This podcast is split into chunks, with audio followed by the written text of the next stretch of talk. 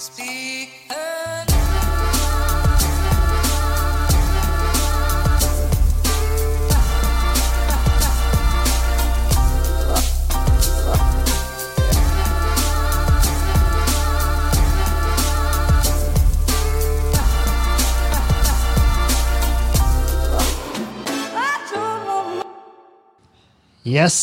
da ønsker jeg velkommen hit til Klagemuren. Det er tirsdag 12. januar. Tolv dager inn i det nye året, og ehm, eh, ja, jeg må si det ligner veldig på fjoråret. det er så artig, for eh, jeg må bare adressere først og fremst. Det kommer til å være litt bakgrunnsstøy på dagens episode, men jeg, jeg håper ikke det er så mye at dere klikker, men det er bare jeg sitter på kontoret på Skubaret, sant? og jeg har måttet skrudd på ei vifte her inne. fordi at uh, Det er altså så borti helvete kaldt. Jeg, har, uh, jeg kan ikke erindre å ha det så kaldt. Um, så jeg må bare få inn litt temperatur her inne. fordi at jeg føler ikke mine egne fingertupper. Og jeg bruker ikke fingertuppene så jævlig aktivt gjennom en hel, podkast-episode, men de er nå en gang gjeve å ha. For hvis de ikke sitter bare og tar på de og lurer på om å ja, får jeg koldbrann nå, skal jeg skjære de bort pga. podkasten. Det er sånn her, En episode i podkasten eh, vil jo ikke være verdt alle fingertuppene mine. Altså, jeg får inn, jeg får inn Takket være dere nydelige folk på Patrion, så får jeg inn litt penger, men ikke nok til å forsvare ti fingertupper. Um, og nå skal jeg se på pause, så jeg kan nyse. Egentlig så skulle jeg jo tatt opp det der. Jeg skulle tatt opp sånn at jeg kunne bare visst dere en gang for alle hvorfor jeg burde stoppe opptaket når jeg skal nyse. For det, det, er ikke bare å snuse unna og se det i orden. Det, det er ikke så lett løsbart, fordi at jeg har med årene så har jeg utvikla sånn, et sånn gammelmannsnys. Når ungdom og barn nyser, så er det veldig søtt. Det er sånn, så, sånn nyser Julianne. Sånn. Det høres ut som du, det høres ut som du har en chihuahua liggende på rygg imellom lårene dine. Så klør du den på magen, og så av og til bare trykker du litt på den bitte lille ubrukelige magen på den her rotta med svære øyne. Sant? Så, sånn høres hun ut når hun nyser, mens jeg er sånn her altså, Jeg skal skru ned litt. bare sånn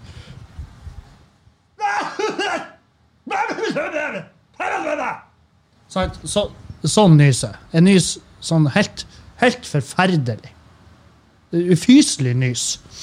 Um, og så ren, Altså, ja, det ja. Jeg sitter nå og varmer meg på en kopp kaffe, sånn at det ikke ender opp med å Sånn som jeg flyet som styrta på det her um, isfjellet, og så begynte de å spise hverandre. Det, det, er da. Hvis jeg, hvis jeg har fått svarte fingertupper nå, uh, og så sulten som jeg er, så hadde jeg sett munn i min egen kropp. Uh, ja. Um, hva vi skal adressere i dag? Jeg tror vi skal adressere Først og fremst skal vi adressere siste episode. Jeg burde vel åpne der. Jeg skal bare ta med en slurk kaffe. Og det var også siste kaffen jeg hadde i koppen, så det blir ikke mer av den. Um, siste episode var jo ganske dark. Um, og, um, men samtidig var den så jævla dark. Uh, det var jo egentlig bare mer adressering av hva som foregår rundt meg og inni hodet mitt. Og inni hodet mitt så er det tidvis, i hvert fall nå, et lite Aleppo. Og, og, eh, og jeg liker å dele med dere, og jeg liker å dele um, tanker og følelser. og for jeg har jobba de siste åra med å bli flinkere å prate om hva jeg føler. Fordi at jeg har eh, Jeg, har, jeg vet first hand hva som skjer med meg, min person, min syke, hvis jeg ikke adresserer det som foregår inni hodet mitt. For jeg har jo vært virkelig ute å kjøre, rent psykisk. Så, så derfor angriper jeg da når jeg oppdager sjøl, og det er da som er så jævla sykt med psyken, det er at hvis du har det jævlig, så kan det ta ufattelig lang tid før du oppdager det sjøl. Det kan ta så jævlig lang tid før du innser at faen, det her er jo ikke med. Det her er jo en personlighetsforandring, og det er jo ikke, er ikke bra i det hele tatt. Så eh, Men takk. Eh, for alle tilbakemeldingene. Det var jo stort sett bare folk som var sånn Uh, Hei, takk for at du deler. Uh, jeg fikk et par sånne der Å, nå fikk du meg til å føle meg feit. Jeg, jeg, jeg snakka jo om det. Hvis du får dårlig samvittighet av å høre på hva jeg sier, så må du en av to ting. Du må enten bare legge deg fra det, for det er ikke det jeg snakker om, eller nummer to så må du eh, da se på ligger det noe i det. Kanskje du også skal begynne å arbeide. sant? Eh, og eh, på mandag så Eller på tirsdag siste uka så var det jo Det var, det var rock bottom, og um, uten tvil. Og jeg har siden da uh, Siden da så har ting virkelig gått oppover, sånn rent psykisk. Um, jeg gikk Jeg begynte siste uka å ta uh, sånn blodhardt uh, skippertak. sånn kostholdsmessig, så nå har jeg noen uker hvor jeg bare skal leve jeg skal bare få en kickstart, skal bare leve på shaker, og jeg skal leve på shaker og bare en stund. Og så skal jeg gradvis prøve å ta kontroll over det jævla kostholdet. Og, og det er sånn her eh, Jeg innser at eh, jeg innser at ja, men skal du leve sånn? Skal du leve i en sinuskurve? Skal du, skal du ha to klesskap hvor du har liksom Uh, et klesskap som er for den perioden du er nede, og et klesskap for den perioden du er sunn? Jeg vet da faen. Jeg vet ikke. Jeg har ikke svaret på alt. Har, det selvfølgelig, det ønskelige er jo at jeg skal kunne gå ned til mitt, uh, min ideal 78 kilo vekt og være der resten av mitt liv. Men jeg skjønner jo at det må jo skje ting. Og det må skje ting i holdning, for, holdning til mat. Det er det som er. Um, og la oss nå angripe én ting om gangen. Så nå skal jeg først komme i gang. Um, så nå lever jeg på shaker og barer, og jeg føler meg nice, jeg føler meg bra. Jeg, har, jeg er over den er over den, eh, den obligatoriske keto-fluen som jeg gjerne får. Jeg får sånn keto-influensa. Um, i hodet. Føler, meg, føler meg bare sjuk en dag. Men det, det, var veldig kortvarig nå. Og, um, og, nå føler jeg meg full av energi, full av, uh, full av glede, full av uh, og jeg, jeg, og jeg, vet jo at det her er bullshit, men jeg føler at jeg ser det i speilet allerede. Og det er bullshit, det vet jeg. For det, det, er ikke, er ikke kommet såpass i gang at jeg kan Å, oh, herregud, Kevin, nå begynner jo å se jævlig tight ut. Det er jo bare å uh, Nå er det bare å stabilisere. Men det er no, det er et så ypperlig eksempel på hvor fort du kan få. For det er motivasjon du ser. Det, du ser akkurat samme dvaske jævla fyren med de samme brevholderne i stedet for uh, brystmuskler. Og, ikke sant? Så, men du ser motivasjonen, fordi at du, kroppen føler Kroppen sender signaler til hjernen at ja, nå, er vi, nå er vi på vei en plass. sant? Og så sier hjernen at ja, ja, supert, da kjører vi denne regla. Og så føler jeg meg bra. Så jeg føler meg mye bedre. Det var veldig artig med de meldingene jeg fikk fra sist sending. Eh, både gutter og jenter som var sånn 'Du er deilig, Kevin. Du er deilig. Du er så deilig.' Og, jeg, og tusen hjertelig takk, men uh, det eneste svaret jeg har til da, er jo at uh, ja, ja, da bare vent. Bare vent. Hvis du liker meg nå, ta og vent til i sommer. Um, nei, men jeg liker ikke sånne tynne, sunne folk. Ja, men da har du en jeg vil, ikke, jeg vil ikke gå inn for å være ditt jævla nisjeprodukt. sant? Jeg vil ikke være Jeg vil ikke være ditt pannekakehus. sant? Så eh, jeg skal, skal være noe for meg sjøl. Det jeg la merke til, er jo at basically samtidig som jeg la ut den sendinga hvor jeg prata om da, um, så eh, For jeg har jobba i garasjen. Jeg jobba i leiligheta i garasjen. Um, eller det burde jeg kanskje ikke si, fordi at, eh, men vi skal komme tilbake til hvorfor jeg ikke burde si det. Men mens jeg har jobba der, så har jeg, jeg har uh, eh, joina Patrion til Dag Sørås og hører på noen podkaster der.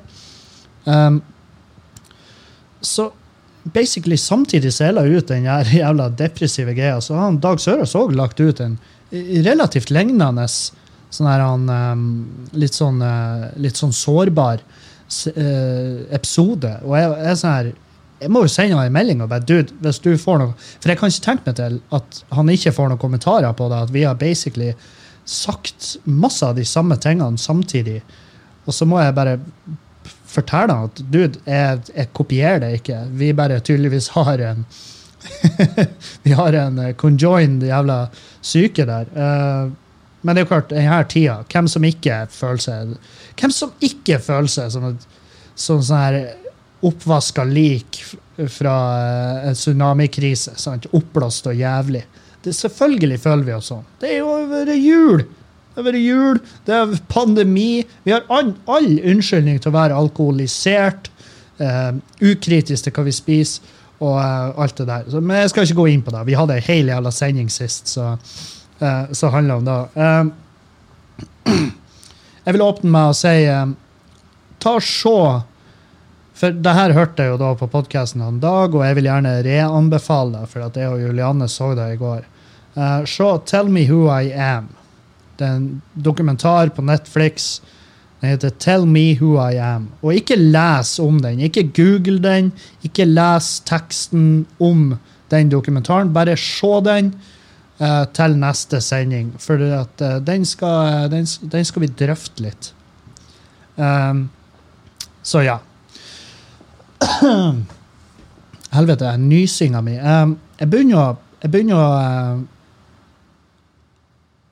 jeg begynner å mistenke at jeg er allergisk mot, uh, mot mer enn bare bjørkepollen. Jeg begynner, å- jeg begynner å mistenke at det kanskje er noe allergi ute og går. Uh, jeg, jeg tenker støv. Støvmidd. Uh, fordi at hver morgen når jeg står opp, så nyser jeg. Og jeg nyser Nå, før, nå når jeg måtte avbryte opptaket for å nyse, så nyste jeg ti ganger i strekk. Og det er etter å ha sittet på den vifta inne her. Eh, og i det rommet her er det vegg-til-vegg-teppe. Så det kan jo være et hint. Og jeg nyst ti, ti ganger, sier de at hvis du nyser ti ganger, så skal du ha opplevd samme um, sam, det skal liksom, For de sier at ett nys tilsvarer en tiendedels orgasme. Og jeg nyser ti ganger, og jeg har ingen sæd i, i bokseren som ikke var der fra før. så, ehm, så, eh, så den myten er jo Jeg tror ikke det er da. Jeg tror bare at jeg tror bare at et nys, for det er jo jævlig godt å nyse Jeg tror det bare setter hjernen i såpass Altså at den blåser så mye eh, signaler som en tiendedels orgasme gjør. Jeg tror det, da. Jeg, jeg, jeg skal ikke google, jeg skal ikke gå inn på det. Hvis huslegen ennå hører på, så eh, send meg gjerne en melding og for, forklare det her med nys. Hva har da med orgasme å gjøre? Jeg tror ikke hun hører på. Det er jævlig lenge siden jeg har hørt ifra henne. Egentlig lenge siden jeg har sett noe fra på Instagram òg. Jeg, jeg håper hun ikke dør. Jeg håper hun lever i beste velgående. For eh, det, det har vist seg å være jævlig kjekt å ha en lege på laget. Um, men ja. Siste uka så har det vært bare jobbing. Jobb, jobb, jobb. Og så Og så er det jo Det har seg jo sånn at vi skal jo inn takvindu der. Vi skal inn uh, liten balkong. Uh, sånne her ting. Og det er, jo, det er jo det som kalles en fasadeendring. Og det er ikke bare å gjøre. Man skulle Altså, man kan jo diskutere da i, i hytte og gevær, men det er ikke bare å gjøre det. Når du bor i et nabolag, så er det ikke bare å sette inn takvinduer, og bygge balkonger som du vil. Det er en fasadeendring, og det skal Du, du må ta deg en runde og prate med naboene. og um, jeg har på en måte neglisjert da litt. Jeg har, glemt, jeg, jeg, jeg har ikke tenkt så mye på det. Og det er fordi at jeg har jobba som tømrer i mange år, men, men jeg har liksom aldri vært på den her dokumentasjonssida.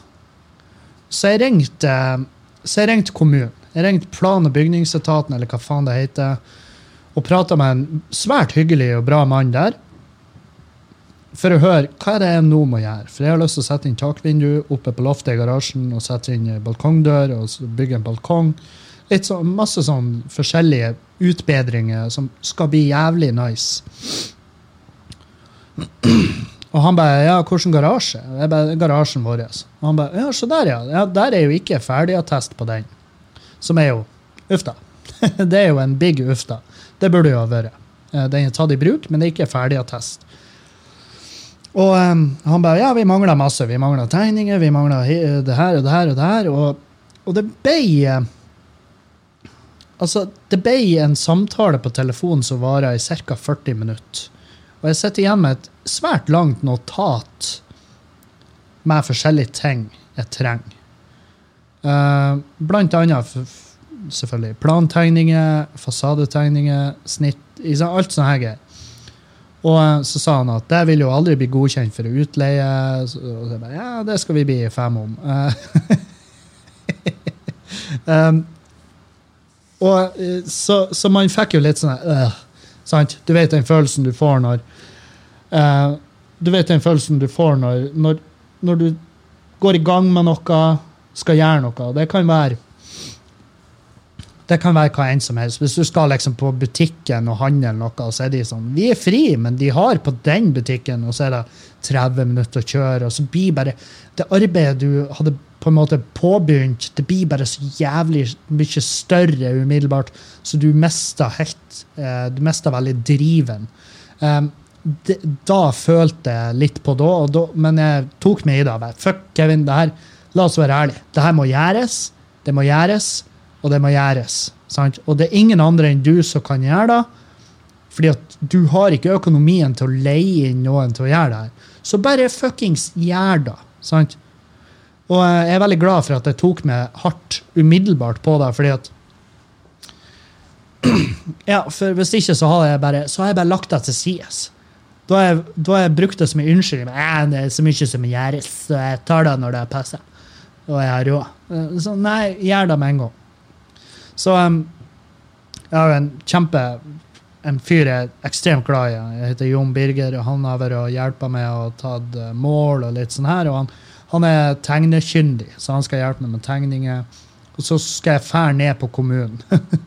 Fordi at uh, han var sånn Ja, lykke til, vi gleder oss til å få inn uh, uh, søknader og litt sånn her. Og så var jeg sånn Ja, men hvis, hvis jeg trenger litt mer Litt mer eh, hjelp, kan jeg, kan jeg komme innom? Og han bare ja, du kan komme innom tirsdag eller torsdag, og så kan vi gå igjennom. Og jeg bare det kan du altså være så jævlig trygg på at det blir å sitte der eh, i, om så i dress på venterommet eh, førstkommende, og med alt, sånn at jeg kan få en jeg, jeg må ha en steg-til-steg-liste over hvordan jeg skal angripe det her.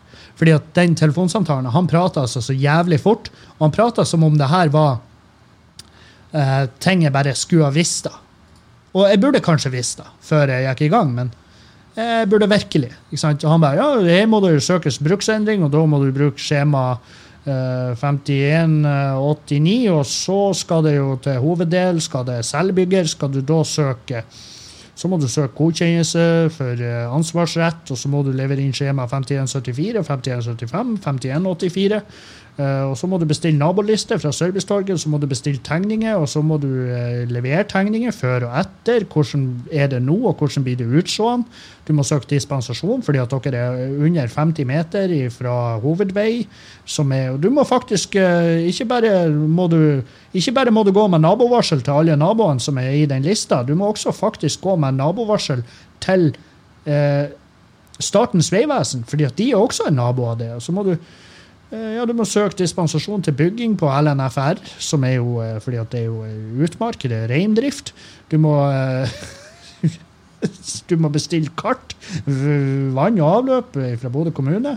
Eh, Du, ja, alt det her må du gjøre. Men det ordner du. Og så må du passe på at utnyttelsesgraden eh, at den ikke er over 30 For det er maksimal utnyttelsesgrad på tomta av dere. Så hvis den overstiger 30 så må du også søke dispensasjon for å bryte utnyttelses utnyttelsesgraden. Så det blir jo ganske mye, det her. Så jeg vil jo jeg vil jo virkelig ha, jeg vil, jeg vil jo ha gått litt i dybden på. Det er veldig viktig. det her. Og jeg var sånn her, «Øh, ja, ja, jeg satt jo og notert, og jeg har jo masse sånn stikkord, men jeg kan ikke operere ut ifra stikkord. Jeg må operere ut ifra ei Altså, jeg må det her, Jeg vil ha Jeg vil ha ei Ikea-bruksanvisning på hva jeg må gjøre her. Så jeg skal fære ned til han med alle tegningene og alt, og så vise og peke og flire og uh, smør. og så um, skal jeg si 'hva må jeg gjøre nå?' Så sier han 'ja, det her må du gjøre nå'. Så skal jeg si 'hva må jeg gjøre etter da?' Så sier han 'ja, da må du gjøre det her'. Det, sånn skal jeg gå fram. Sånn, sånn må det være. Uh, og da gleder jeg meg jo. Det er jo veldig sånn, Jeg gleder og gruer meg til å gå til naboene og forklare. Uh, fordi at jeg gleder meg jo veldig til å kunne vise dem med noen tegninger. Sånn her har vi lyst til å gjøre, da. Uh, men jeg gruer meg jo til hvis at det skulle bli sånn at en av naboene sier nei, det, jeg vil ikke. Og så sier jeg vil ikke. Hvorfor? Men det er jo hva det, hva det angår dere, egentlig. Vi skal jo ikke skal jo ikke legge på en etasje på huset. Og så bare Nei, jeg bare vil ikke. Så, jeg har jo bestilt Jeg har jo fått vinduene og dørene og alt. Skal jeg bare hive det? da? Ja, for min del. Jeg bare vil ikke. For det, kan, det har skjedd, og det kan skje. Uh, og jeg vil ikke ha den type naboforhold. Jeg vil, jeg vil, gjøre mitt aller ytterste for at det skal være et godt forhold mellom oss og naboene. Og men nå skal ikke jeg ta sorgene for forskudd. Altså det her er jo voksne, fornuftige folk. Mest sannsynlig går det helt, helt strålende. Men man, man må jo selvfølgelig ta høyde for at ting kan skje. Og det skremmer vettet av meg, for vi har jo bestilt alle de tingene. og betalt for de. Så jævla sånn her Å uh, oh ja, nei, naboene satser på bakføttene, så det blir ikke.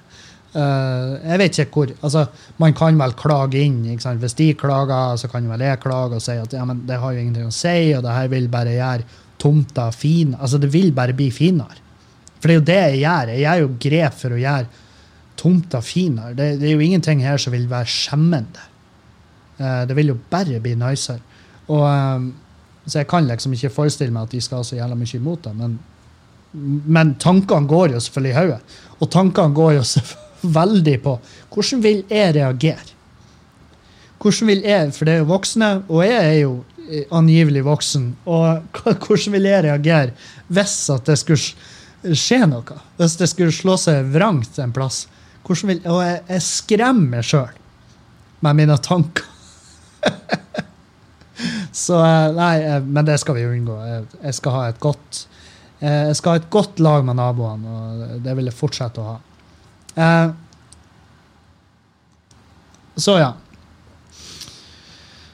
Siste uka så har jeg det har vært bare jobbing. Jeg har ikke toucha alkohol, jeg har ikke toucha mat. Jeg har vært veldig flink. Jeg har jobba beinhardt. Jeg har stått opp når Julianne har stått opp, og jeg har jobba til Julianne kommer hjem. Og hun hadde jo nå ei av sine infamøse arbeidshelger. Um, og da jobba jeg òg, for jeg var sånn ja, jeg jobber, jeg tar ikke kontakt med noen. Vi har jo ikke lov å henge med noen uansett. Så jeg tar ikke kontakt med noen, jeg bare jobber. Jobber, jobber, jobber. Og um, nå er jeg ferdig isolert, så nå kan jeg strengt tatt bare hive opp eh, spotkasse, og så er det å kle plast og, og, og liksom fortsette. Men jeg innså i helga for en jævla enorm respekt jeg har for altså, Spesielt på søndag. Da fikk jeg sånn jævla sånn, Det var så jævlig aha-øyeblikk for meg at uh, At uh, Jeg har ikke hatt helg. Det var det jeg kom til å tenke på. Jeg har ikke hatt litt helg. Uka har bare vært jævlig lang. Og jeg fikk så jævlig respekt for Julianne, som jobba sånn der og medlidenhet mest av For jeg var sånn, jeg ikke, det, var ikke, det var ikke et fiber i kroppen min som ville. Og jeg bare sånn skal det, Og så skal jeg jobbe i dag, og så skal jeg jobbe i morgen, og så skal jeg jobbe bare fram til neste helg igjen, og mest sannsynlig den helga òg. For å få litt fuckings fremgang. Og, eh, og det skremte meg, for det var sånn Jesus Christ, for noe drit! For noe drit det er å arbeide og ikke ha noe fri. Altså selvfølgelig, Vi har jo brukt kveldene. Når hun har kommet hjem fra jobb, så har jo jeg mer eller mindre vært ferdig å jobbe òg. Men jeg kjenner på kroppen, selvfølgelig i tråd, i lag med at jeg på, er på diett og på minimalt med uh, næring. Uh, så, men jeg var sånn Faen òg. Og her er jeg drevet på. Jeg har vært sånn her Og det her er ikke kødd. Uh, siden vi, vi, vi har vært i lag i over tre år nå. Sant? Og um, tidvis har jeg vært sånn her Ja, men hva det har å si at jeg drar ut bare fordi at hun jobber på søndag, liksom? Uh, hva, det, hva det betyr om vi drar ut og møter litt folk? Trenger ikke å drikke. Det er jo bare at vi drar ut og hilser på. Og så, hun bare ja, 'Nei, men jeg skal jobbe i morgen. Jeg vil slappe av.' Og jeg bare sånn Ja, ja greit. Og jeg, det har irritert meg av og til. Men jeg har vært sånn Ja, men jeg respekterer henne jo selvfølgelig. Men jeg har vært sånn Ja, men faen, jeg forstår bare ikke. Men nå, min forståelse er altså faen meg forbi. Den er så jævlig den er så jævlig i tråd med der altså der det burde være, fordi at jeg forstår henne så fette godt. Jeg forstår henne dritgodt. At hun helst vil de arbeidshelgene at hun bare vil chill, kule egget, og ikke ha huset fullt av folk og host middager og fære og møte folk og fære ut. Og jeg skal fære og drikke, og hun skal ligge igjen hjemme. Sånn jeg forstår det så jævlig godt nå. Jeg har så fette enorm respekt for henne. Så på søndag så så sa jeg til henne når hun kom hjem fra jobb Jeg bare sånn, jeg sa bare du, nå skal du bare slenge deg rett ned på sofaen, og så skal jeg lage mat til det, og så skal du bare ta det 100% med ro. Fordi at jeg har, jeg har Oppi alt byggestøvet så har jeg kosta fram en nyvåken respekt for det. Og, eh, og jeg skal pleie det, ta vare på det. Og, hun satte utrolig pris på det, selvfølgelig. Altså, hun, hun er ikke noe Julianne er ekstremt lite materialistisk, men dæven, hun elsker å bli bortskjemt. Og skjemmer bort. Hun blir altså så fette. Hun blir så sjarmert og så glad og så fornøyd hvis hun blir skjemt bort. Og, um, så, uh, så, det gjorde jeg da. Jeg laga henne taco og Det er noe med når jeg står og ikke skal ete sjøl. Jeg skal ikke spise noe mat sjøl. Men det siste jeg har laga taco på søndag. Uh, så laga jeg en brøddeig for sånn eltefritt grytebrød. Og så heiv da i ovnen på mandag, altså i går. Og så laga jeg Brenne kjærlighet. For det, jeg bare, en eller annen grunn så har jeg lenge gått, lyst til, gått og hatt lyst til å lage Brenne kjærlighet. fordi at det er en sånn her For dere som ikke vet, så er det liksom det er potetmos med noe fyll. ikke sant? Det, og du kan lage den bare at du legger potetmosen på fatet og serverer med bacon og sopp oppå hvis du hvis du er pin. Men eh, jeg lager sånn i form med ost oppå, og så legger det lagvis som en, som en lasagne. sant? Så i går når hun kom hjem fra jobb, så sto det brennende kjærlighet og nybakt grytebrød eh, på benken. Og jeg, og jeg går og drikker shaker og spiser bare. Og det har gått fint. Jeg smakte jo selvfølgelig på den brennende kjærligheten, og den var fette god. Jeg var litt sånn her ah, Faen òg at ikke jeg spiser noe, men men jeg har greid å holde meg unna den jævla ildfastforma. Jeg er faen meg stolt. Fornøyd med meg sjøl. At jeg ikke går og bare om natta bare Og fucker opp min egen diett og, og, tror jeg lurer andre. Men sannheten er at jeg bare, eh, bare utsetter resultatene av mitt eget arbeid. Så men jeg har følt uh, veldig at det går, det går jo veldig framover uh, i garasjen, og, og, det er jeg veldig fornøyd med. Men det er jo sånn her uh, Jeg har jo tenkt, Det arbeidet jeg gjør innvendig der, det, det er jo Jeg kommer så langt at det blir ikke å avslutte uansett. Og uansett hva som kan skje med det arbeidet som liksom foregår, som skal foregå på utsida, um, så må jeg fullføre innsida der, og i hvert fall så, så langt som materialet rekker til at vi har fått inn søknader og bla, bla. Og jeg skjønner jo at det her er jo ting jeg skulle ha vært på forhånd med. Jeg skulle ha søkt alt det her. Men jeg trodde at jeg trodde at garasjen at, I hvert fall at, at det var noe ferdigattester, og at det var godkjent for bruk oppe der. fordi at du må søke bruksendring på andre etasjen i garasjen. Og det er jo, det er jo ganske sånn Oi. Det var veldig sånn oi. Um, men og, og det vekker jo litt den pøbelen i meg, hvor jeg er sånn her Ja, men det er mitt jævla bygg. Jeg gjør nå hva faen jeg vil i mitt eget jævla hus. Men det er ikke sånn. Du kan ikke gjøre hva faen du vil i ditt eget jævla hus. Det er ikke sånn. Og du kan ikke si det heller. Du kan ikke gå inn på kommunehuset og bare Hei, jeg er ikke her for å søke noe, jeg er bare her for å fortelle deg at jeg blir å gjøre hva faen jeg vil i mitt eget jævla hus. Og da sier de ja, ja, nå vet vi i hvert fall at du driver på med et eller annet i ditt eget jævla hus. Så da eh, kan det hende at en dag vi tar en liten inspeksjon, og så eh, får du bruksnekt på ditt eget jævla hus. Så kan vi jo se hvor jævla fornøyd du er etter da. Sant? Så så, så, jeg går ikke inn med den innstillinga, men, uh, men, samtidig så er det litt sånn jeg, Og jeg vil, ikke, jeg vil ikke gjøre ferdig garasjen og så begynne med sånn her For det, det, jeg vet jo, jeg er oppvokst i Meløy kommune, og det er en kommune der det er litt sånn her Ja, vi spør etter tilgivelse, tillatelse, ikke sant, den der greia. Uh, det, det, er ikke sånn det funker i en by. I en by så er det faktisk konkrete eksempler hvert år på folk som har fått beskjed om å rive det de har gjort. Og det er jo Altså, hvis jeg hadde fått beskjed om å plukke sund det jeg hadde gjort, da tror jeg faktisk at jeg kunne Jeg kunne blitt eh, jeg, jeg kunne blitt utilregnelig. Jeg hadde ikke stola på meg sjøl og de valgene jeg har kommet til å ta etter da.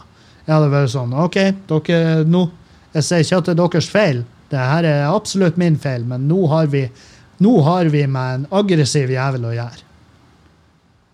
Så uh, ja. Uh. oh. Jeg elsker den ene meldinga jeg fikk etter sist sending, da jeg var så jævla deprimert og nede. Så fikk jeg bare en melding på Instagram, og det sto, det sto kun Hei, ikke drep deg sjøl. Uh, og jeg tenkte selvfølgelig, det går fint. Uh, det er ikke dit jeg er på tur. Og jeg tror ikke jeg kunne endt opp der. Uh, altså, det har vært en lang reise før jeg har endt opp der. men jeg, jeg utnytta den sjansen til å starte en ny sesong. Fordi at jeg bare Ja, det her blir en dette blir et veiskille på mange måter, og hvor jeg tar tak i ting. Så da er ypperlig mulighet til å bare starte en ny sesong. Hvorfor ikke? Og jeg får jo ofte litt sånn jeg får jo spørs, Ikke ofte, men jeg får av og til spørsmål, i hvert fall fra nye lyttere. Heia, nye lyttere, velkommen hit. Um, så får jeg gjerne spørsmålet ja, hvordan er det du deler inn sesongene. egentlig? Jeg bare, Nei, det varierer. Ei stund var det per tiende kilo, og ei stund var det per uh, hva nå enn. Uh, det varierer. Og det er jo bare, vi er jo inne i sesong fem, så det er jo ikke så jævla mange sesonger. Men jeg gikk på vekta. Jeg, jeg gjorde det nå. og jeg var på 90, nei, 93,8 eller noe sånt. her, Og det er, det er, en del opp. Jeg har jo vært nede i Når jeg var når jeg var på maks pump på det her keto dietten første runde, så var jeg vel helt nede i 83 kilo. Og, og så er det jo sånn her at uh, du må regne med, hvis du er såpass tung som er altså såpass voksen mann, og du er på, i fullblown ketose, så må du regne med tre kilo opp når du bryter ketosen, for da lagrer du uh, Altså, du har en oh, Nå har jeg glemt uttrykkene. Glykogenlager og sånn her Og, uh, så du må Og vann. For glukose eller glykogen eller hva faen Jeg tror det er det det heter. Bind vann. Så når du da bryter ketosen og du bygger opp de lagrene igjen, så, du, så er det snakk om Jeg, jeg mener det var rundt tre kilo. Så overraskende bra, faktisk. Fordi at når jeg, når jeg satt der og følte på ting og tang og jeg, Hvis jeg skulle gjette hvor mange kilo jeg var da, så hadde jeg gjetta på eh, så hadde jeg gjetta på 100. Jeg hadde gjetta på 100. Og eh, hvis jeg hadde gått på vekta og lest 100, så hadde jeg blitt eh, Jeg hadde mest sannsynlig blitt veldig demotivert. Så Så ja. Det var, det var faktisk en liten win og se at det ikke var så ille. For det er snakk om bare uker, så tar jeg igjen det tapte, og så, begynner, så fortsetter jeg på en måte med utbedringa av det her lille Det er ikke bare huset som skal pusses opp, si. Eh, her skal det økes verdi på kroppen òg. Eh, jeg tok NTNU sin eh, sånn der um, test, og den sa jeg var 69 år gammel.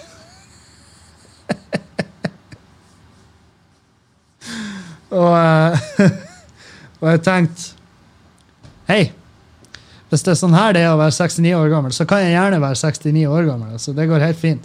Men, eh, men det, den testen vil jo da si at hvis du fortsetter sånn her, så vil du ikke bli 69. Da må du gå ut ifra at du er 69 nå. Um, og det er klart, da, da har man jo litt mer hastverk. Um, så ja. Jeg får jo uh, fått en del meldinger om hva jeg tenker om uh, Capitol Hill-angrepet i USA. Og jeg, jeg, tenker sånn Nå er jo jeg Jeg har jo stressa det her faktum at jeg har virkelig ikke en politisk sans. det eneste jeg har vært sånn her jeg har ikke noe til overs for Trump. Syns han er et ufyselig vesen. Eh, og har et eh, menneskesyn og eh, har egentlig bare verdier som jeg bare på ingen måte kan kan eh, relatere til. Og, alt det her. Eh, men jeg reagerte jo selvfølgelig jeg, synes det var, jeg følte jo med, med, med iver og spenning på hele driten. At det faktisk var et gjeng med tullinger som bare brøyt barrikadene og bare flomma det bygget. Og her er Det jeg sitter igjen med, var at det her var ikke I mine øyne så var ikke det her et like stort angrep på demokratiet som det var underholdende. Fordi at Helvete, for et gjeng! Helvete, for et nydelig gjeng med idioter som flomma det bygget der. Og det bildet av han fyren som drar av gårde med den her pedestalen, den her talesbenken, eller det her, hva nå enn. Altså, det bildet av han fyren Han har altså the time of his life. Faen, for en legende!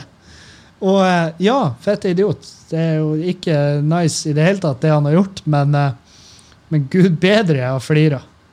Og og han der fyren med det bøffelhodet og altså Hva det er slags jævla karneval?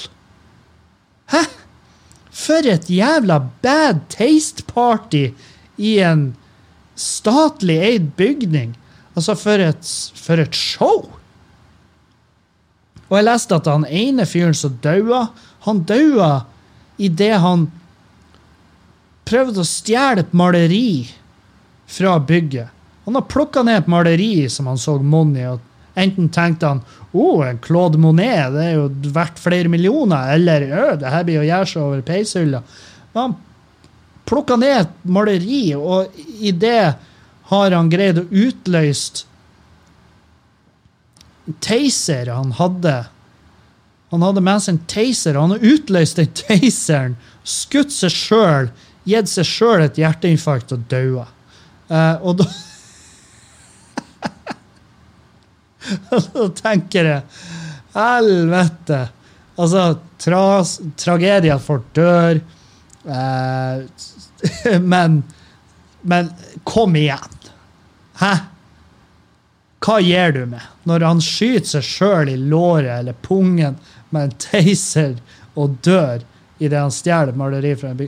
Altså, vær nå grei. Det er jo masse tragisk de der. Folk dør, det er tragisk. Men gud bedre, det er virkelig noe underholdning her òg. Og uh, hun der ene kjerringa som ble trampa i hjel, hun hadde et skjelt som sto Hun hadde med seg et sånt skjelt som hun sto holdt, hvor det sto 'Don't tread on me'. Altså ikke trø på meg. Nei, det er for, det er for mye. Jeg, jeg, jeg, har ikke verifisert om alt det her stemmer, men gud bedre så artig. Uh, I all elendigheter finner jeg faktisk noe der som jeg flirer av. Og, Og så eh, leste jeg og så leste jeg en artikkel som heter 'Når idiotiet er selvvalgt', som er skrevet av Olaf Brostrup Müller. Um, som er jo en mye mer reflektert og belest mann enn meg. Hvor han altså, Bare les den artikkelen 'Når idioti er selvvalgt'. Og det handler om at eh, nå At vi er fortsatt i liksom i, i altså vi er, vi er i barndommen slash tenårene av internettets eksistens. Og om vi er da i det hele tatt. altså Vi er jo ennå i krybba med internettet. Og, og eh, der er utrolig mange som søker etter info på internett, og det ligger info ukritisk på internett. Det er da som er problemet. Det er at du finner fakta i gåseøyne for enhver jævla smak. Hva enn du vil. Hva enn du leter etter, så finner du fakta i gåseøyne som bygger opp under da. De mening. Så du finner den infoen du har lyst til. Og så kan du arbeide ut ifra den. Og Det er da som er så farlig med det. Det er derfor, altså De folkene som angrep Capitol Hill, de tror jo på ekte at valget var stjålet. Jeg har ingen formeninger om Altså, jeg tror jo på det som blir sagt, i forstand at vi kan ikke se noen bevis på at valget er stjålet. Derfor så anerkjenner vi Joe Biden som en ny president. Og jeg tror ikke han blir noe jævla bra president. Fyren er jo åpenbart dement. Altså, og han er ikke han er ikke nok Jeg tror ikke han har noe jeg tror Han blir å ha mindre, mindre imot å starte en ny krig. Jeg tror det var en dag som sa at Trump er jo den eneste presidenten de siste, altså i vårt minne som ikke har starta en eller annen væpna konflikt. Uh, og um, Ja, så, så, det blir jo Jeg har ingen formening om hvordan det blir fremover. Jeg bare jeg er jo selvfølgelig glad at Trump er ute, og håper at Biden kan bli Altså i, de, i den grad han har noe, noen år med verdig liv igjen. altså Sånn som han slår med i dag, så er han jo altså De har jo sittet en knokkelsekk, en bleik halvveis død knokkelsekk som plutselig skal bestemme. Og, og da tenker jeg at ja, ja, er, hvor vil det her gå? Hvor vil det her ende? Det, det, vet vi jo ikke, men det blir i hvert fall et blir, Jeg håper det blir roligere. For deres del.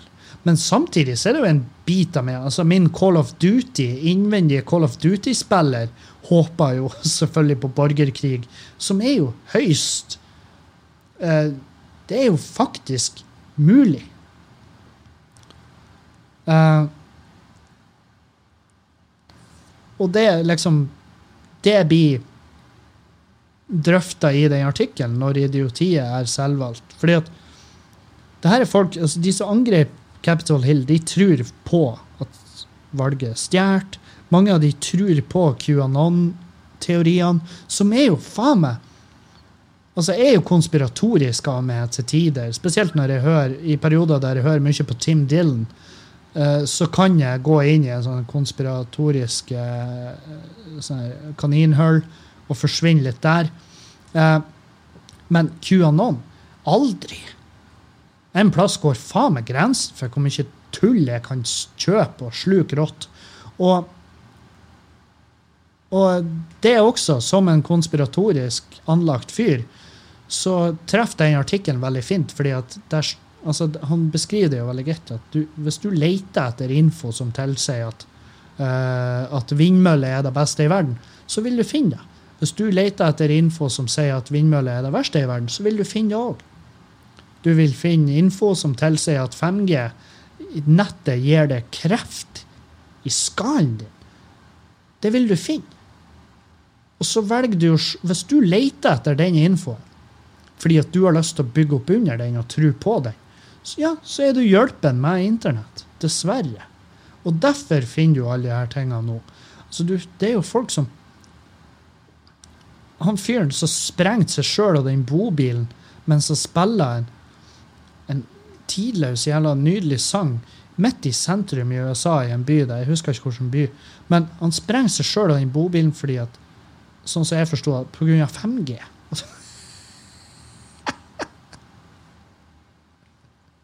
Og uh, good riddance. Altså, helvete. Jeg er ikke sikkert det var bare pga. 5G. Kan hende Kristoffer Schjelderup laug til meg bare for å se hvor mye jeg bare plukka opp rått fra bakken og spiste. For jeg, på, på, info så er jeg tidvis, jeg tidvis den fyren. Det er det som er så farlig med meg. Det at jeg, jeg er tidvis han fyren. Jeg er tidvis hun der gamle kjerringa som går utfor og leter sneiper. sant? Og bare eh, snip. I stedet for å rulle den sjøl. Eh, for jeg har ikke råd, eller jeg har ikke tid, eller jeg har ikke ork. Og det er det som er. Men hvis jeg først skal fordype meg i en sak, så går jeg i dybda på det, og da gjør jeg meg opp en mening. Og, og, eh, så ja. Nei, det Det er i hvert fall det er hvert fall det jeg har kommet til noen konklusjon. Nei, jeg gjorde vel kanskje ikke det. Jeg kom til en konklusjon. Det er at etter å ha lest den artikkelen, så får jeg litt sånn Jeg prøver å ha empati med de folkene. ikke sant? Fordi at de folkene som rusher det bygget der, de har eh, De tror de har Altså, de tror på ekte at de kjemper for en god sak. De tror på ekte at det de gjør, er eh, nødvendig i landets beste, i landets interesse. Vis misnøye med et stjålet valg Uh, de tror da. Og, uh, men sannheten er at de har bare ødelagt sitt eget liv, flere av de. Flere av de er blitt, uh, de er suttet, de er blitt stempla terrorister, sittet på en no fly-list. Det har gått liv. sant? Det har gått menneskeliv i det der. Uh, flere av de har uttrykt at jeg, lot meg bare rive med. Og, og, det er jævlig sånn Tror å våkne en dag og bare Fy faen. Jeg fucka opp alt. For jeg lot meg rive med.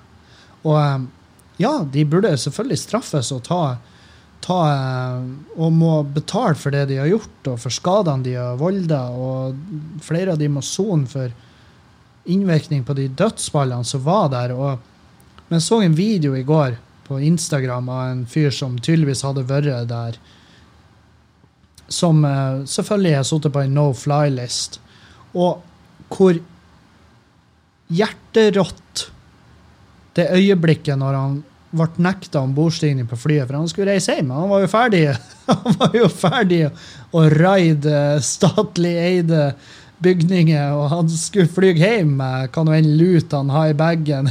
Jeg vet da faen. Men han skulle reise hjem og ble selvfølgelig nekta ombordstigning. Og når han innså at jeg får ikke reise hjem, og jeg nå blir anholdt.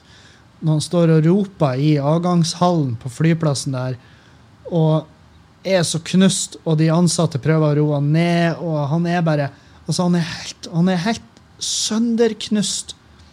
Og da, da flirer jeg ikke like mye som jeg hadde vondt for han fyren, for jeg tror ikke han innser alvoret i det han har gjort.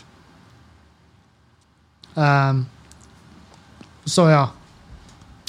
Så, men les den artikkelen. Det er en veldig fin artikkel og en veldig viktig artikkel. Og, uh, hva andre anbefalinger har jeg? Jeg har uh, Jeg begynte å lese allerede på ei bok uh, som jeg kan virkelig anbefale allerede. Jeg tror jeg kom en hvor langt jeg er kommet på den. En sjettedel inn i boka, men jeg kan allerede si at det er en veldig viktig bok.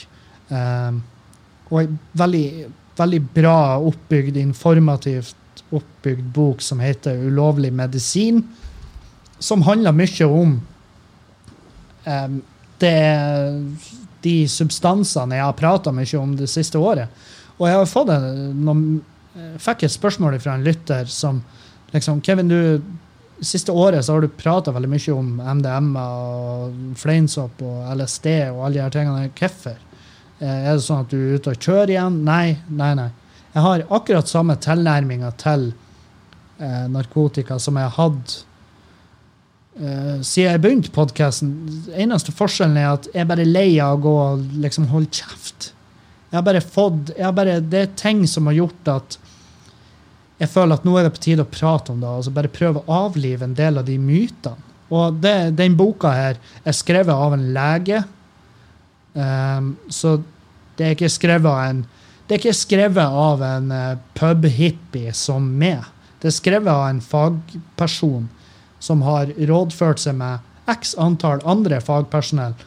Og han forteller forside, og han forteller bakside, og han forklarer i dybden hva er det vi egentlig har med å gjøre her, og hvorfor har vi stigmatisert og ulovliggjort en så potensielt eh, bra medisin. Fordi at eh, han, For eksempel, han drar fram to konkrete eksempler, to konkrete og dokumenterte eksempler på uh, MDMA, som er virkestoffet i ecstasy. Og Det ene eksempelet er ei 15 år gammel jente fra England som tar MDMA og uh, dør i en park. Midt på lyse dagen. Uh, Overoppheta på tur ned til vannet for å avkjøle seg, så dør hun. Uh, og så drar han fram eksempel med en uh, amerikansk tidligere marinesoldat som har tjenestegjort i Afghanistan, Irak, jeg husker ikke helt hvordan, kanskje begge deler, for alt jeg vet, som sliter med heftig PTSD etter det han har vært med på, det han har sett.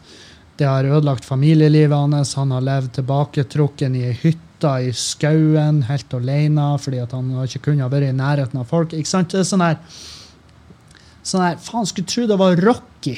En hvor som helst av Rocky-filmene hvor de må, for å få tak i han, så må de reise tre dager opp i, i uh, fjellkjeden for å lete han fram. ikke sant? Som i Snikskytter med Mark Walberg.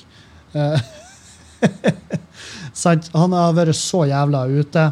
Hvor de behandler med MDMA, og, og, selvfølgelig terapi i lag med, men MDMA var nøkkelen for å låse opp og gjøre han mottakelig for behandling. Og da tar han jo også samtidig opp hva er forskjellen på de her to tilfellene. Hvorfor, eh, hvorfor skjedde det her? Hvorfor døde hun jenta? Vel, selvfølgelig. Null, null, viten og respekt for det hun har gjort, og overdoser og døde da. Og, og han skrev at mora til hun jenta som døde der, hun er i dag en, en uh, aktivist for for det første eh, avkriminalisering av stoffet, og samtidig aktivist for at vi må ut med masse info. Vi må overøse vi må overøse markedet med info om hva det her er. hvordan man, Hvis man skal gjøre det, så skal man gjøre det sånn og sånn. Og, um, og det på en måte poengterer jo det jeg har sagt hele veien her. fordi at min holdning til det er at det, det er helt fantastisk hvis du vet hva du holder på med, og hvis du har respekt for det. Men det er helt, det er helt grusomt. Det er grusomt, forferdelig og farlig hvis du ikke har respekt og du eh, ikke har viten, og dermed kan du gå på en jævlig massiv smell og ødelegge det. Og det er jo ikke da. Man vil jo ikke da. Så ja, den jeg anbefaler. 'Ulovlig medisin'. Den er skrevet av uh, Anders Wahl Anders Wahl uh,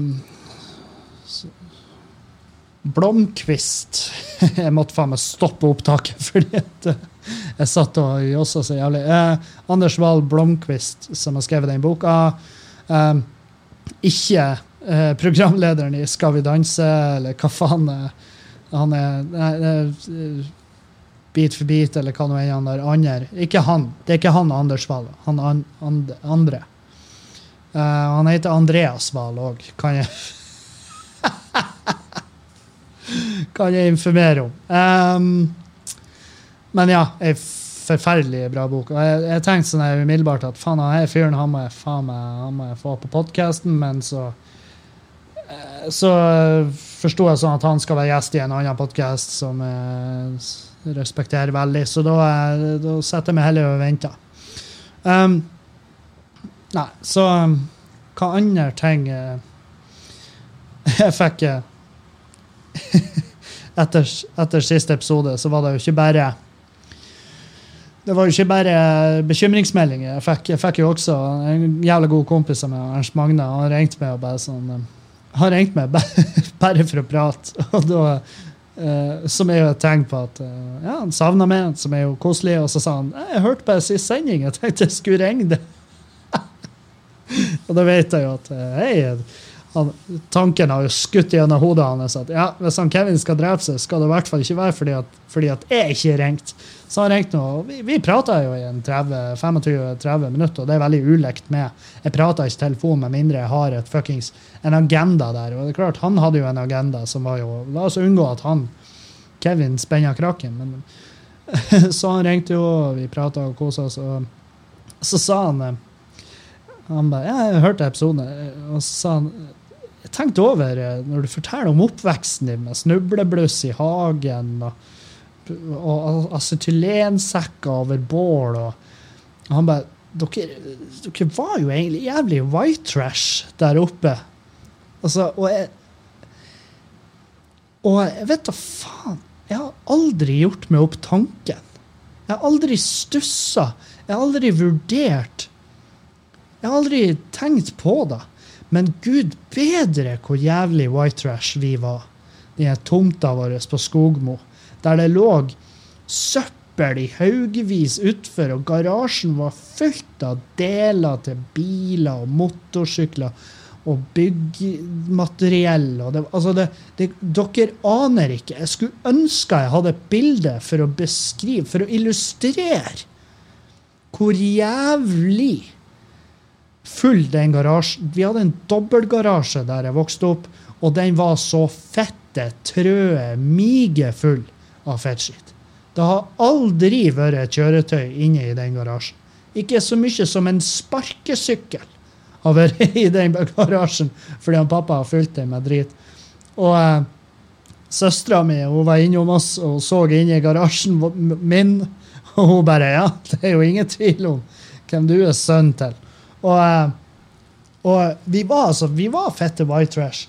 Og, eh, og altså sånn her eh, Og jeg tenkte sånn Ja, men Ja, vi var jo ikke Var vi da? Var vi norske rednecks? Ja, vi var da! Mamma satt døgnet rundt. Altså, det vinnertipp-magasinet hennes, det gikk jo varmt. Den lyden ligger jo i hodet mitt. Jeg kan høre den nå når jeg legger meg om kveldene så innser jeg at faen, Kevin, du er faen meg vokst opp i det du ser nå og hater mest. Du er vokst opp på en sånn tomt der dere grilla pølse over ei tønne fyrt med diesel. Sant?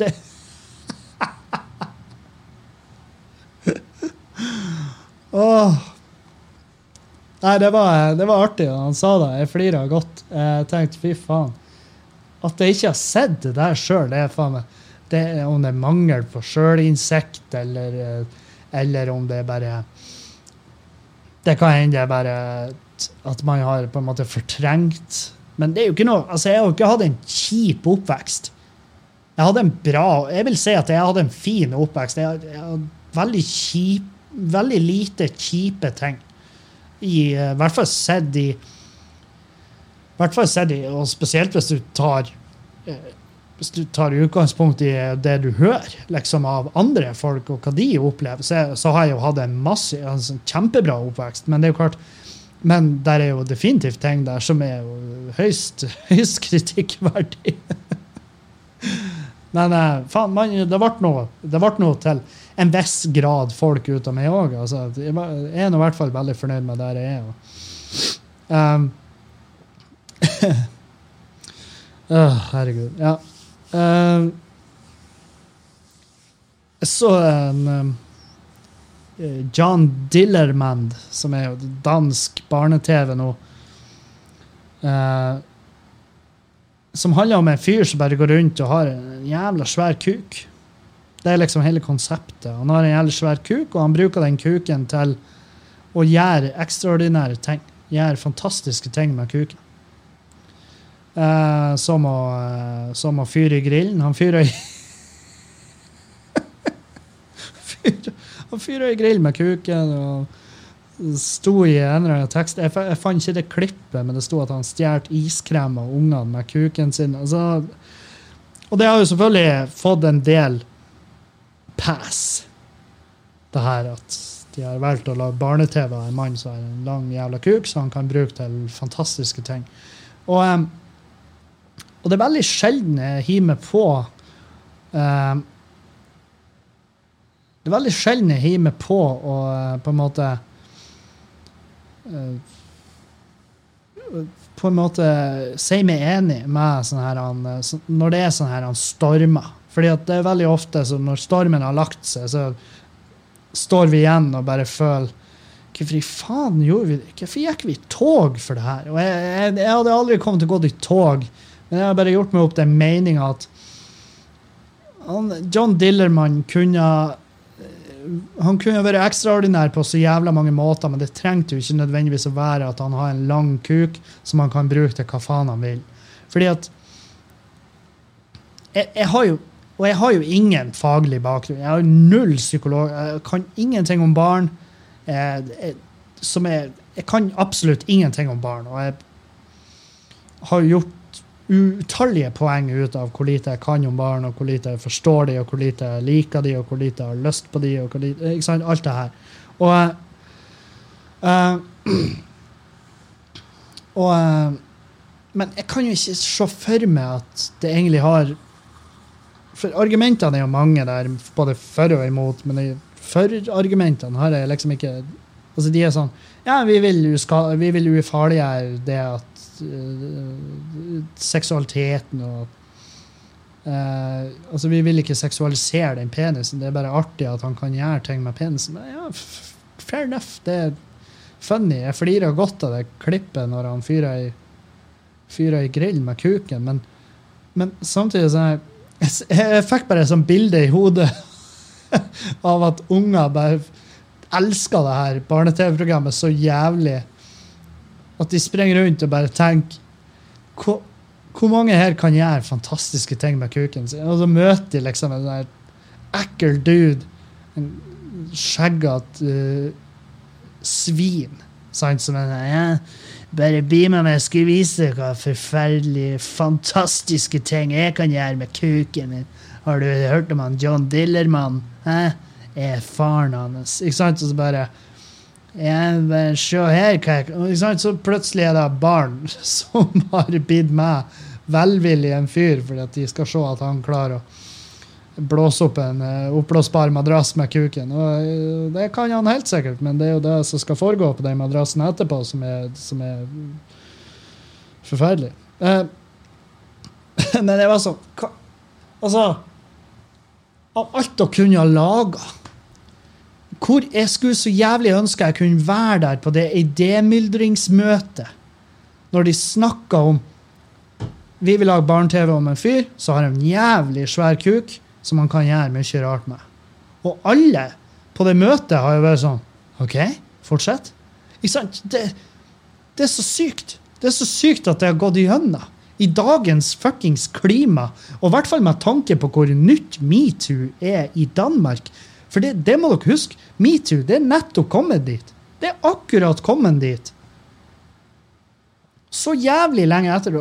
Danmark var drittreg. Jeg vet faen om de ennå har den dyresexloven, men metoo er i hvert fall jævelferskt i Danmark. Og så er de ute med John Dillermann, og Nei, jeg, jeg bare Jeg, jeg tenkte at uh, her er noen som er noen som uh, kunne ha gjort noen bedre vurderinger. Og that's it. Det er det jeg har å si om det. Altså, jeg, jeg, bare, «Åh, skal ikke gå, jeg blir ikke gå i noe tog. Jeg blir ikke å fyre i noe fakkel for dansk kukbarne-TV. Jeg vet jo at den TV-serien blir jo ikke å havne på norsk TV, så det, ikke, det angår ikke meg. Jeg, jeg har vært i Danmark en gang i mitt liv og føler ikke noe tilhørighet. Noe. Men absolutt, det er helt fantastisk. Det er helt fantastisk at det er gått gjennom og faktisk blitt vist på TV. Og folk er lynings! Det er så artig. Folk er altså faen meg så jævlig forbanna.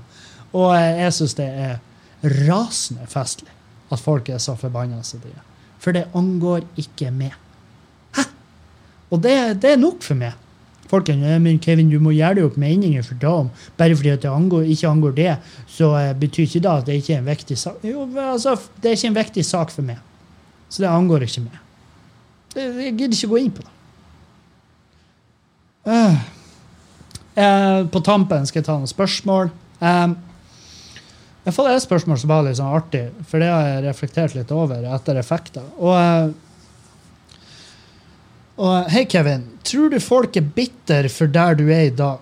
At du har et bedre liv enn du fortjener å ha det i deres øyne? Um, og svaret er ganske enkelt ja.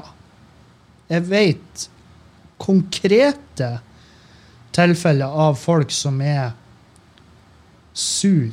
Altså, det, de, det tar energi og tid av dagen deres I hvert fall de dagene der jeg popper opp i hodet deres. Så tar det energi og tid for dem å å eh, tenke over hvor lite de unner med det livet jeg lever i dag, og med hus og garasje og heim og pub og karriere og kjerring. Jeg vet at det er folk som, som er vokst opp med, som ikke syns jeg fortjener det. Og, og det er noe med Flere av de har jeg en viss eh, på en måte en viss forståelse for, fordi at jeg har gjerne vært et rasshøl mot de. Jeg har vært et forferdelig menneske, og det har jeg nevnt masse. og altså, Det er derfor jeg tenker sånn Det er jo bare et spørsmål om tid før det kommer fram en sak som folk At noen kommer ut og sier oh, Kevin han sa, eller han, Kevin gjorde det her mot meg når vi vokste opp. Og det eneste jeg kan si da, er ja, det gjorde jeg. Eller jeg kan si ja, det gjorde jeg mest sannsynlig. For jeg, på den tida var jeg så rusa at jeg har ikke kjangs vite hva jeg egentlig styrer med. Eh, så jeg vet det er folk som ikke syns jeg fortjener å ha det livet jeg lever i dag. Men samtidig, hva faen kan jeg gjøre med det? Jeg kan ikke gjøre noe. Jeg kan selvfølgelig reach ut og bare hei. Og det har jeg prøvd med flere. Jeg har prøvd å på en måte ja, gjøre mitt for å begrave ikke begrave historier over hva jeg har gjort. Det, kan jo veldig høres ut som. Men jeg, for min del, at jeg skal sove bedre. For jeg liker ikke å gå rundt og tenke på at jeg har gjort de tingene jeg har gjort. Men samtidig, masse av de tingene jeg har gjort, og masse av de erfaringene jeg har gjort med, har jo forma meg til å bli den fyren jeg er i dag. Og i hvor stor grad skal jeg la dag gå utover min hverdag? Jeg har jo prata om det her med mobbing, at jeg var en, eh, tidvis en mobber, og at jeg opplevde mobbing mot meg sjøl. Og, og begge de tingene har på en måte vært med og forma meg. Og jeg er bare veldig glad at jeg ser tilbake på det i dag og har skam. Jeg ser tilbake på min oppførsel veldig ofte og tenker fy faen, for et jævlig menneske du er. Og du har vært med og på en måte gjort livet deres verre.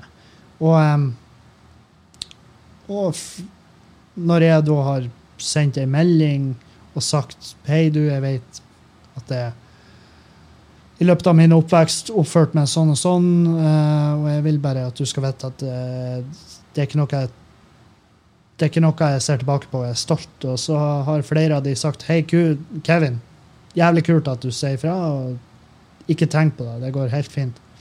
Og så er det folk som har sagt hei, Kevin, uh, jeg, jeg kan ikke bare tilgi det.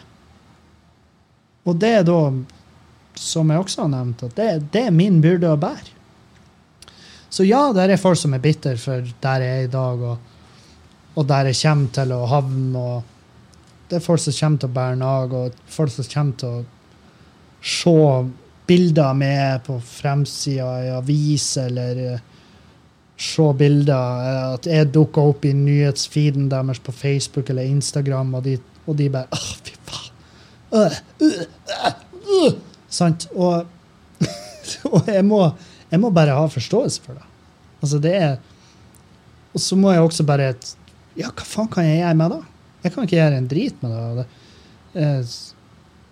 jeg kan ikke noe annet enn å ønske de lykke til videre, og at jeg håper at ikke jeg tar en så stor del av hverdagen deres at, at de sliter med å ha livskvalitet. Men jeg og det er også sånn her Hvor langt skal jeg Hvor, hvor, hvor narsissist Hvor, hvor uh, Altså, hvor, uh, hvor mye har det å si? Jeg vet at uh, folk er svartsjuke. Jeg er født og oppvokst i Meløy kommune, hvor det er sånn her at hvis du har Altså, I det sekundet du har mer enn 10 000 kroner på konto i Meløy, så er du et forbanna rævhøl. Uh, skal godt gjøres at folk setter pris på det da. Uh, og da, det, da går eh, hverdagen deres ut på ja, Jeg unner ikke han det, jeg unner ikke han det. Nei, men hvem i faen spurte det? Uh, så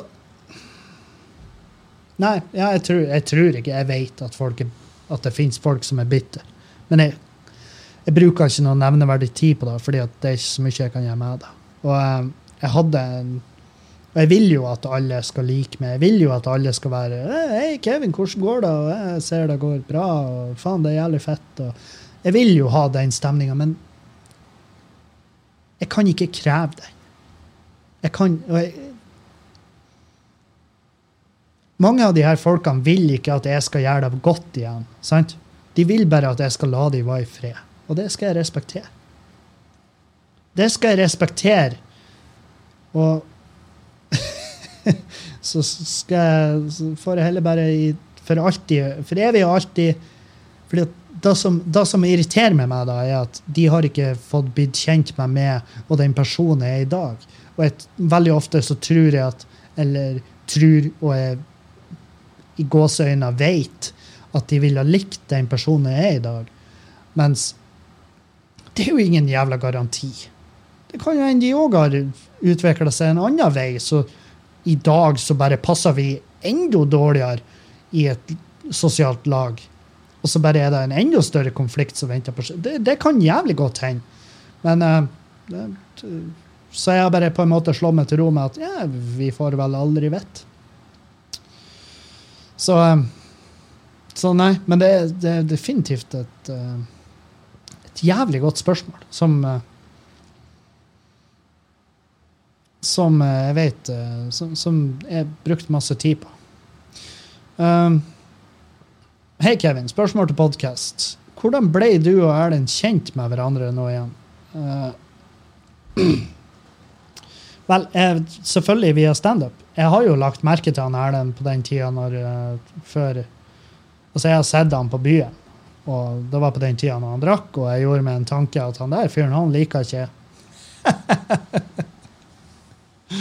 Um, men så, eh, når jeg begynte med standup og kom opp til Bodø og gjorde standup her, og eh, siden da så har jeg og Erlend hatt kontakt, og så selvfølgelig etter hvert så har det blitt bare mer og mer og mer.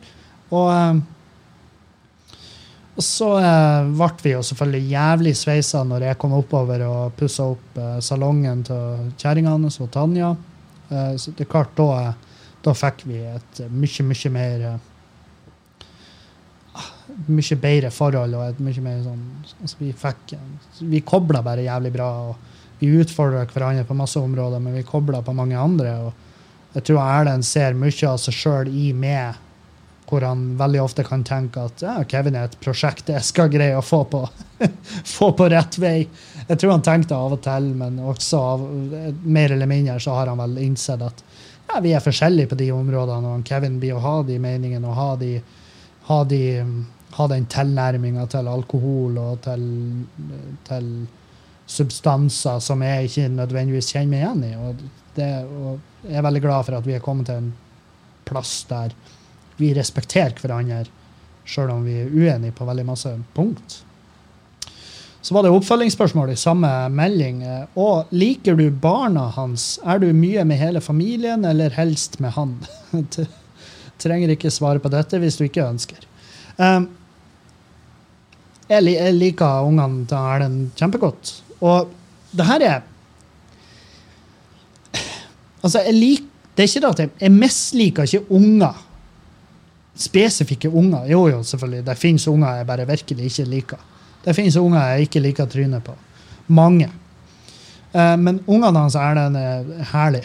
Og um, Men Eh, vi henger veldig lite sånn utenom det profesjonelle. Altså, det er ikke veldig ofte og Erlend finner på ting. Uh, annet enn å spille inn podkaster eller at vi har show i lag eller uh, sånn der. Uh, så, så strengt tatt Og nå, har jeg jo, nå innser jeg jo, mens, mens jeg er på lufta, at kanskje vi ikke er beste venner, men vi er beste kollegaer. Fordi at vi på en måte, vi ser ikke filmer. Vi, vi fer veldig sjelden ut og spiser i lag og tar med fruen og sånn her. Det burde vi gjøre mer. det innser jeg nå, at vi burde kanskje eh, gjøre mer på fritida òg. Sånn Men det er også sånn her, jeg tror han føler på det, og jeg tror jeg også veldig ofte føler på det. Faen, det er dumt at vi ikke er like på dette området, for da vil vi altså I mitt tilfelle så ja, vi kunne tatt oss en øl i lag og diskutert og hengt. Mens han tenker ja, vi kunne gått på fjellet i lag, eller eh, sånn her. Men det er klart, vi har jo masse annet til felles. Vi har kjærester som eh, Eller kjerringer. Eller eh, fru, fraulines, som går jævlig godt overens. Så har altså så det er jo ingenting i veien for at vi egentlig kan henge mer i lag. Men det er klart nå, i den tida vi er inne i, så, det, så ligger det jo litt Ligger, ligger litt lenger inn hos oss begge og bare henge for å henge. Uh, så, så, ja. Men uh, tusen takk for spørsmål, og uh, tusen takk for alle nye patrions. Det kommer en del etter nyttår, og det er jo selvfølgelig mest sannsynlig fordi at vi har lansert Verna bedrift-podkasten, som ligger ute på min Patrion. Det er bare å gå på www.patrion.com slash Kevin Kildahl. Gå inn der, så får du alle bonuspodkastene med Erlend. Vi gjorde en forrige uke, tror jeg det var. Og vi skal, prøve, vi skal gjøre oftere nå fremover. I tillegg så har jeg og Dan Robin, Kompost Melone, vi har startet en podkast i lag som heter Verna bedrift. Den ligger ute der. Masse videoer, masse content som dere kan nyte godt av. Så det Og for dere som lurer på hvordan det funker, du blir Patrion. Det koster fem dollar og oppover, alt etter hva du har lyst til, eller hva du kan. Um, og når du da blir Patrion, så kan du gå inn der, og så får du en RSS-feed. Og det vil si at du, kan, du får en kode som du legger inn i søkefeltet på din lokale podkast-app. Så abonnerer du på den bonuspodkasten. Og du får alle episodene, alle bonusepisoder jeg legger ut, det får du inn på din podkast-app. Så lenge det ikke er Spotify, for Spotify er faen meg så jævlig udugelig treg å uh, ta uh, fikse uh, fiks det her driten. Men alle de andre podkast-appene får opp bonusepisoder. Hvis de er patrients, så får du den koden. Så det er bare join på Patrion, hjelp oss. Jeg er så jævlig glad for de patrionene har, og jeg vil ha mange flere, for det har bare Det gir meg en trygghet. Og uh, det gir meg også en mulighet til å holde det her reklamefritt. Det var en lytter som sendte meg en melding og sa at jeg er Norges nest største uavhengige podkast. Det vil si, altså den uavhengige podkasten med flest lyttere. Nest flest lyttere. eh, kun eh, slått av Wolfgang V. Og det er faen meg det, Hvis det stemmer Jeg vet ikke om det stemmer, men eh, hei, jeg elsker å sette ting på peishylla mi. det gjør jeg gladelig. Eh, vi høres igjen eh, neste uke. For dere som er på Patrion, så høres vi igjen i morgen, og kanskje i overmorgen også. Så adjø, og ha ei en fin uke, og auf Wiedersehen!